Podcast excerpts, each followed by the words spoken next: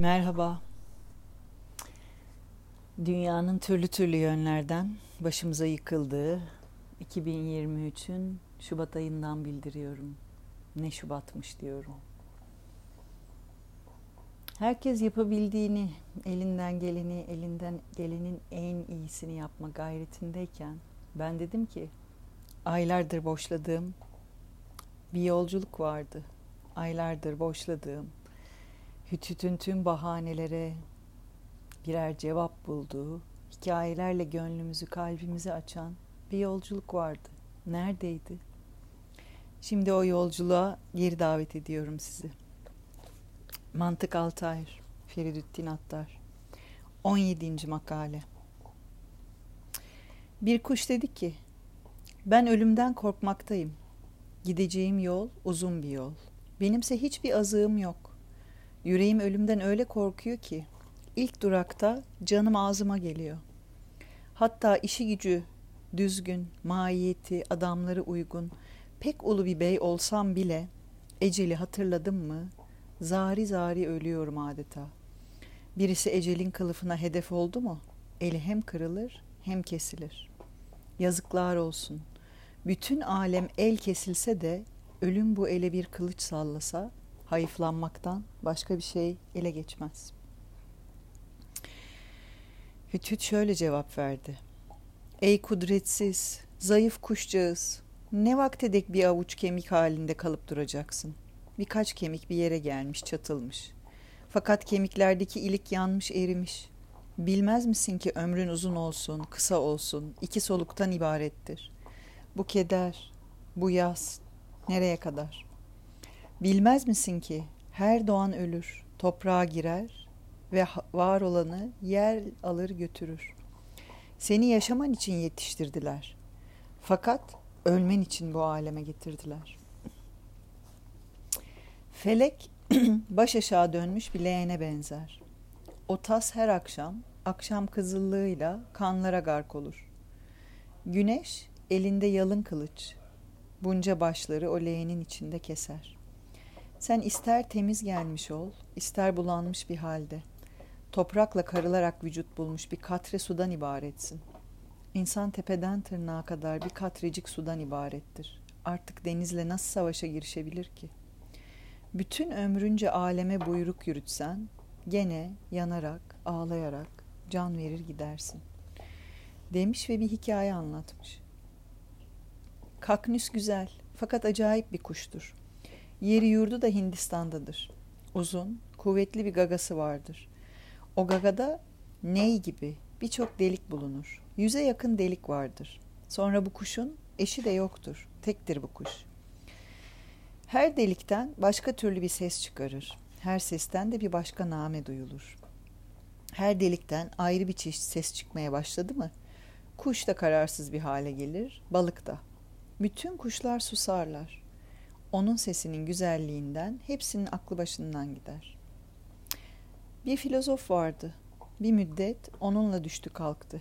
Onun sesini dinledi de müzik bilgisini onun sesini taklit ederek meydana getirdi. Bu kuşun ömrü bin yıla yakındır. Öleceği vakti iyice bilir. Öleceğini anladı mı, kendisinden ümit kesti mi, çalı çırpı toplar, onları çepeçevre yığar. Tam ortasına da kendisi geçer yüzlerce türlü namelerle feryada başlar. Adeta ruhunun her deliğinden başka çeşit bir dertli name çıkar. Ağlayıcılar gibi o delikten çıkan her feryadı bir başka çeşit feryat haline getirir.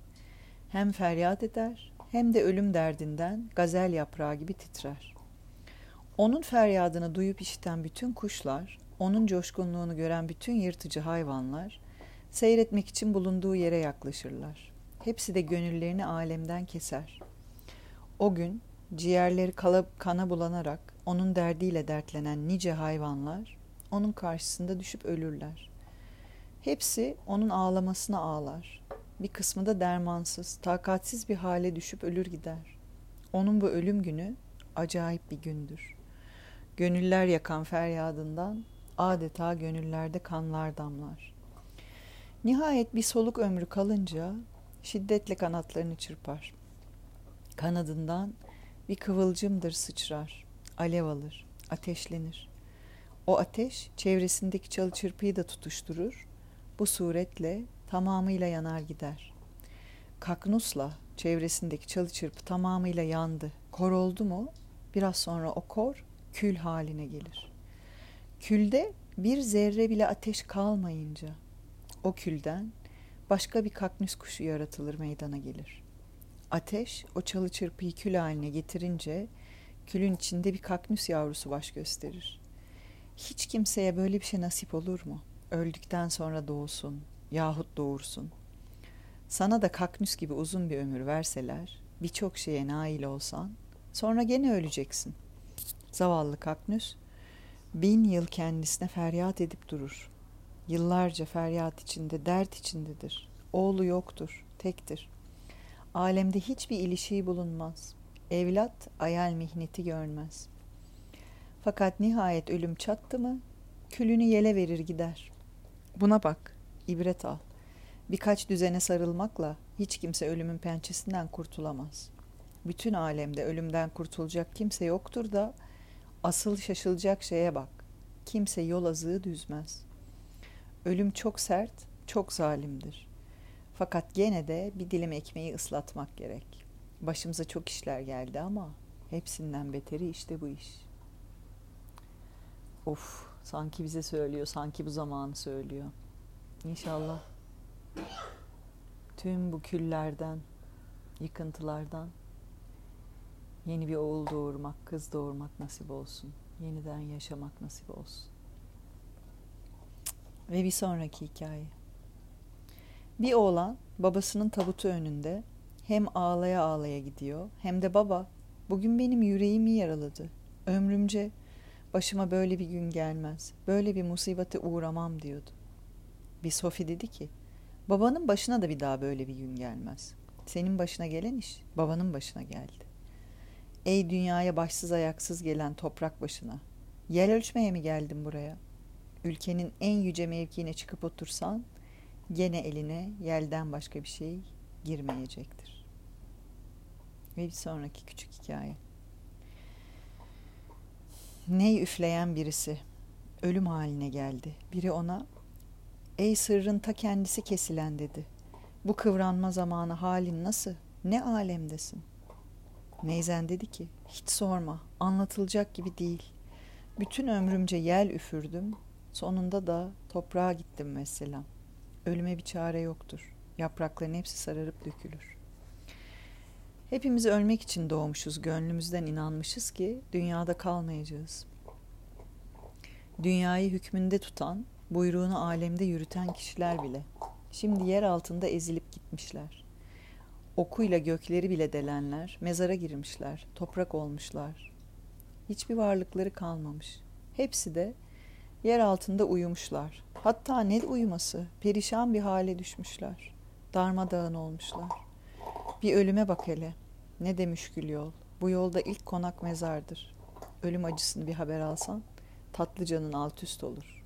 Zehir kesilir. Ve sonraki hikaye. İsa suyu tatlı bir dereden içiyordu. Suyun lezzeti gül suyu şerbetinden de tatlıydı. Birisi o sudan testisini doldurup gitti. İsa da testisini doldurdu. Hararetle başına dikti. Fakat su ağzına acı geldi, suyu içemedi ve buna şaştı kaldı. Dedi ki, Ya Rabbi, testideki şu.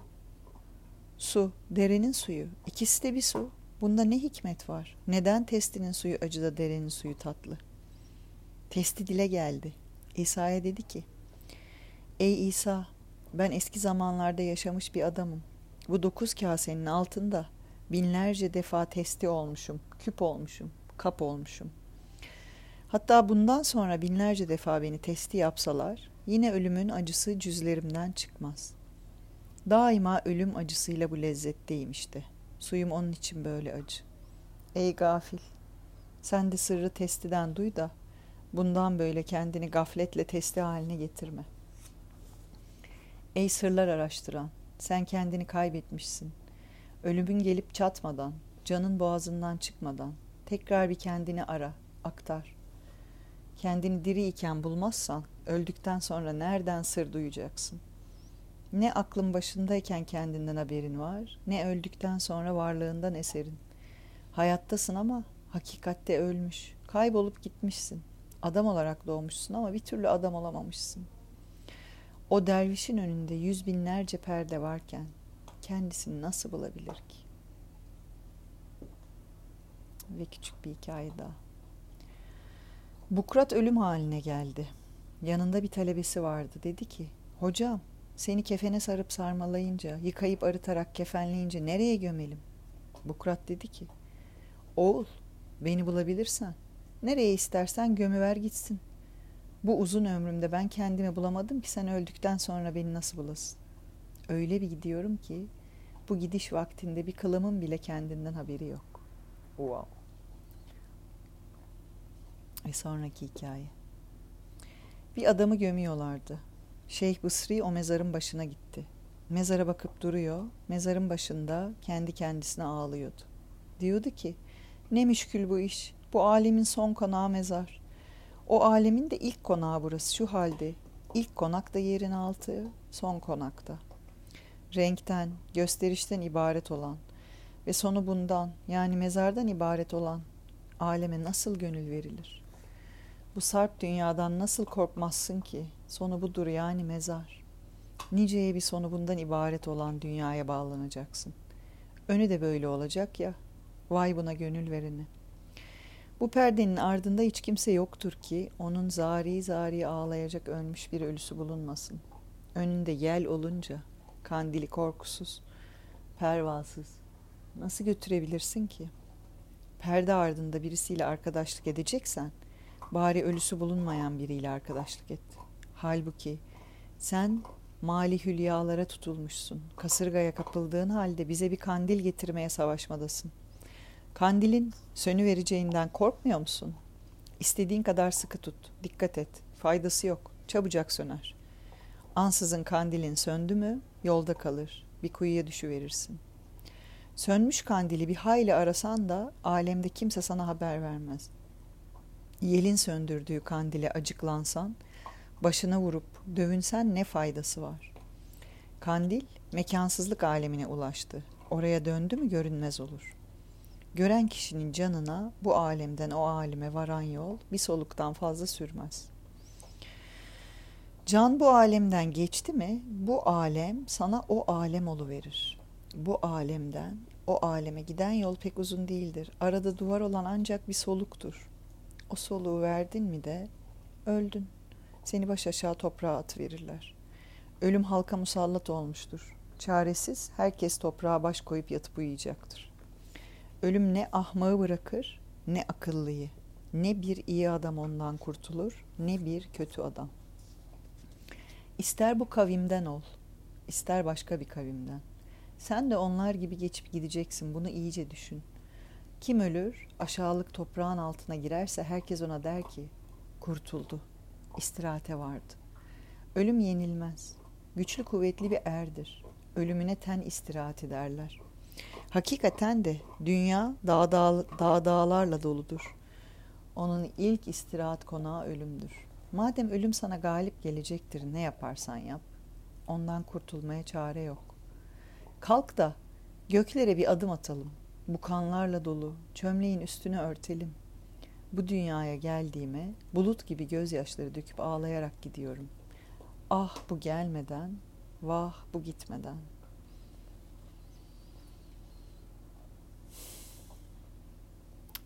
Sırlara vakıf olan bir meczubun can vermesi uzadı. Can çekişip dururdu. Kuvvetsiz, aciz bir halde bulutlar gibi kan ağlamada, zari zari gözyaşı dökmekteydi. Dedi ki, ey Tanrı, beni sen dünyaya getirdin. Madem ki götürecektin, niye getirdin? Canım olmasaydı rahat eder, bu can vermeden emin olurdum. Ne ben doğardım, ölürdüm, ne de sen beni dünyaya getirir, sonra canımı alırdın. Keşke bu gelip gitme zahmeti olmasaydı. Bu gelip gitme olmasa hiç de kötü olmazdı. Ölüme hazırlanmak farz ama ben de bu düşünceye takat yok.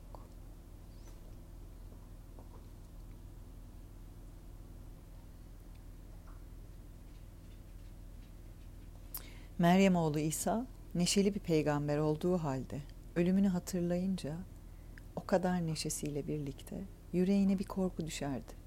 Oturduğu yer teriyle ıslanırdı. O ter tepeden tırnağa kadar onu kanlara bulardı.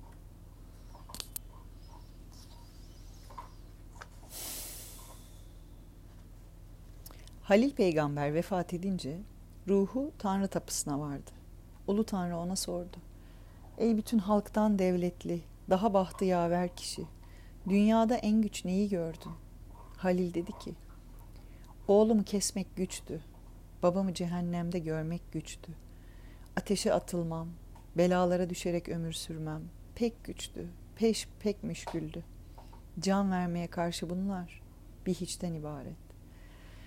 Ulu Tanrı ona şöyle hitap etti. Can vermek sana bir gazap geldiyse de can verip öldükten sonra da ölçüye gelmez bir hayli güçlükler var. Kişi o güçlüklere düşerse can vermek ona bir huzur, bir istirahat gelir.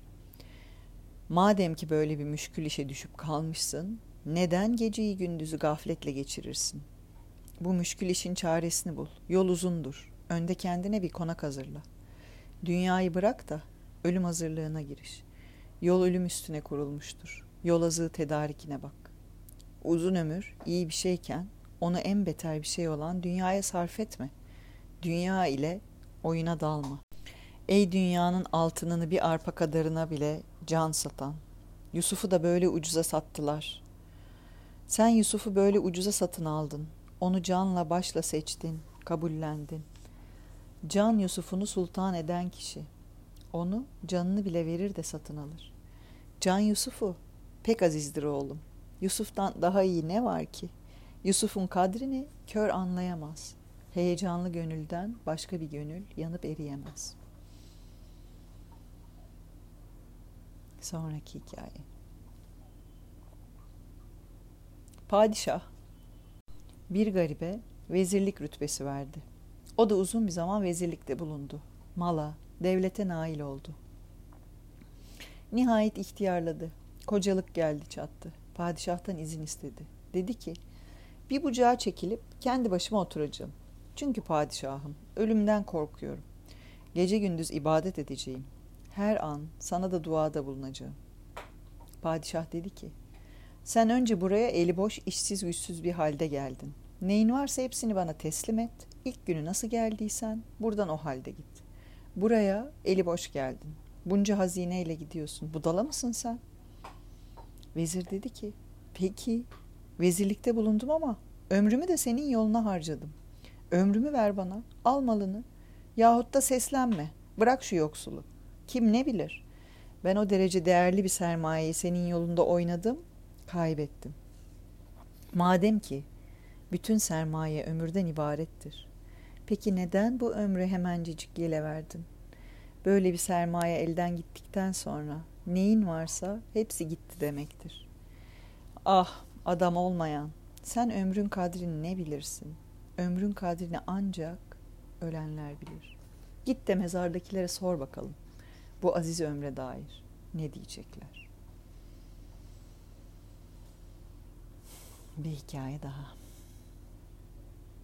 Birisi dini temiz birisini rüyada gördü. Selam verdi, cevabını iştemedi. Dedi ki, ey şöhretli ulu kişi, selamma niye cevap vermezsin? Bilirsin ki selam almak farzdır. Cevabını ver, başını çevirme. O er dedi ki, evet biliyorum, selam almam farzdır. Ama bize bu kapı tamamıyla kapanmıştır. İbadet kapısı bizden çok uzakta kaldı. Artık senin selamını nasıl alayım? Hiç ibadette bulunmuyoruz. Burada biz artık ne bir rükû edebiliyoruz ne secdeye varabiliyoruz. Senin gibi ben de dünyada olsaydım bir an bile ibadetten kalır mıydım hiç? Bundan önce bir avuç bir haberdik. Fakat ömrün kadrini şimdi biliyoruz. Yazıklar olsun. İbadet kapısı bağlandı. Soluk bitti. Gam geldi çattı. Ne ibadet etmeye bir yolum var, ne gönlümde ah etmeye takat.'' Yazıklar olsun. Upuzun ömür geldi geçti. Elimizde dertten başka bir şey kalmadı, söylenmedi, öylece kala kaldı. Yazıklar olsun ki ibadette bulunmaya kudretimiz var, kudretimiz varken bilmedik. Hasılı bugün şaşkın bir halde kala kalmış. Pişmanlıkla zindanlara düşmüşüz. Kuş kanadının kıymetini, kanadı yandıktan sonra anlar. Sen de körlüğünden yolu görmüyor, kuyuyu seçmiyorsun. Kalk da Tanrı'dan bir görür göz iste. Seni mezarında körlükten kurtarırlarsa işi o vakit anlarsın. Şimdi nefsin yel üstünde. O vakit her şeyin yel üstüne kurulduğunu bilirsin. Şimdi habersiz bir halde bir yele dayanmış, kala kalmışsın. Hele sabret. Başındaki yel gitsin de gör. Şimdi başın göklerde. Ama yere girdin mi gök gibi baş aşağı dönersin. İşin gücün bu alemdedir. Gittin mi bütün bunlar yastan ibaret kalır. Bu hiçin ebediliğine imkan yok. Onun için ne düşmanlığın değeri var ne dostluğun. O vakit dersin ki alemin hiçbir faydası yokmuş. Ne varsa benim canımdan ibaretmiş. Madem ki hiçbir yüzün bu alemde kalması mümkün değil. Ha güzel olmuş ha çirkin. Madem ki hiçbir kılın kalmasına imkan yok. İster ak olsun, ister kara. Ve son hikaye. Birisi Meryem oğlu İsa'ya dedi ki, Ey ancak çifti güneş olan tek kişi, neden kendine bir ev yapmazsın? İsa dedi ki, ben deli değilim ki. Ebediyen benimle kalmayacak bir şey nereden bana layık olsun? Bir şey seninle beraber yola düşmüyor ise, ister yoksul olsun ister padişah, hiçbir farkı yok. Sen bir topa benziyorsun. Elini ayağını kaybetmişsin. Abi haber. Bu ne sersemlik. Seni ortadan kimse kapmadan bütün alem halkından vazgeç. Bir kenara çekil. Evet. Bu bölüm bayağı ölüm, ölüm korkusu, ölümün gerçekliği yas üzerineymiş. Bilerek seçmedim. Biliyorsun sırayla gidiyorum. Denk geldi. Mutlaka ki büyük bilgelikler var içinde. Özellikle şu küllerinden yeni bir yavru doğuran kuşun hikayesinden etkilendim. Bakalım bundan sonrası nasıl devam edecek? Bir sonraki bölüm 18. makale olacak. O zamana kadar sağlıkla kalın, ferahlıkla kalın. Kendinize merhamet edin. Sevgiler.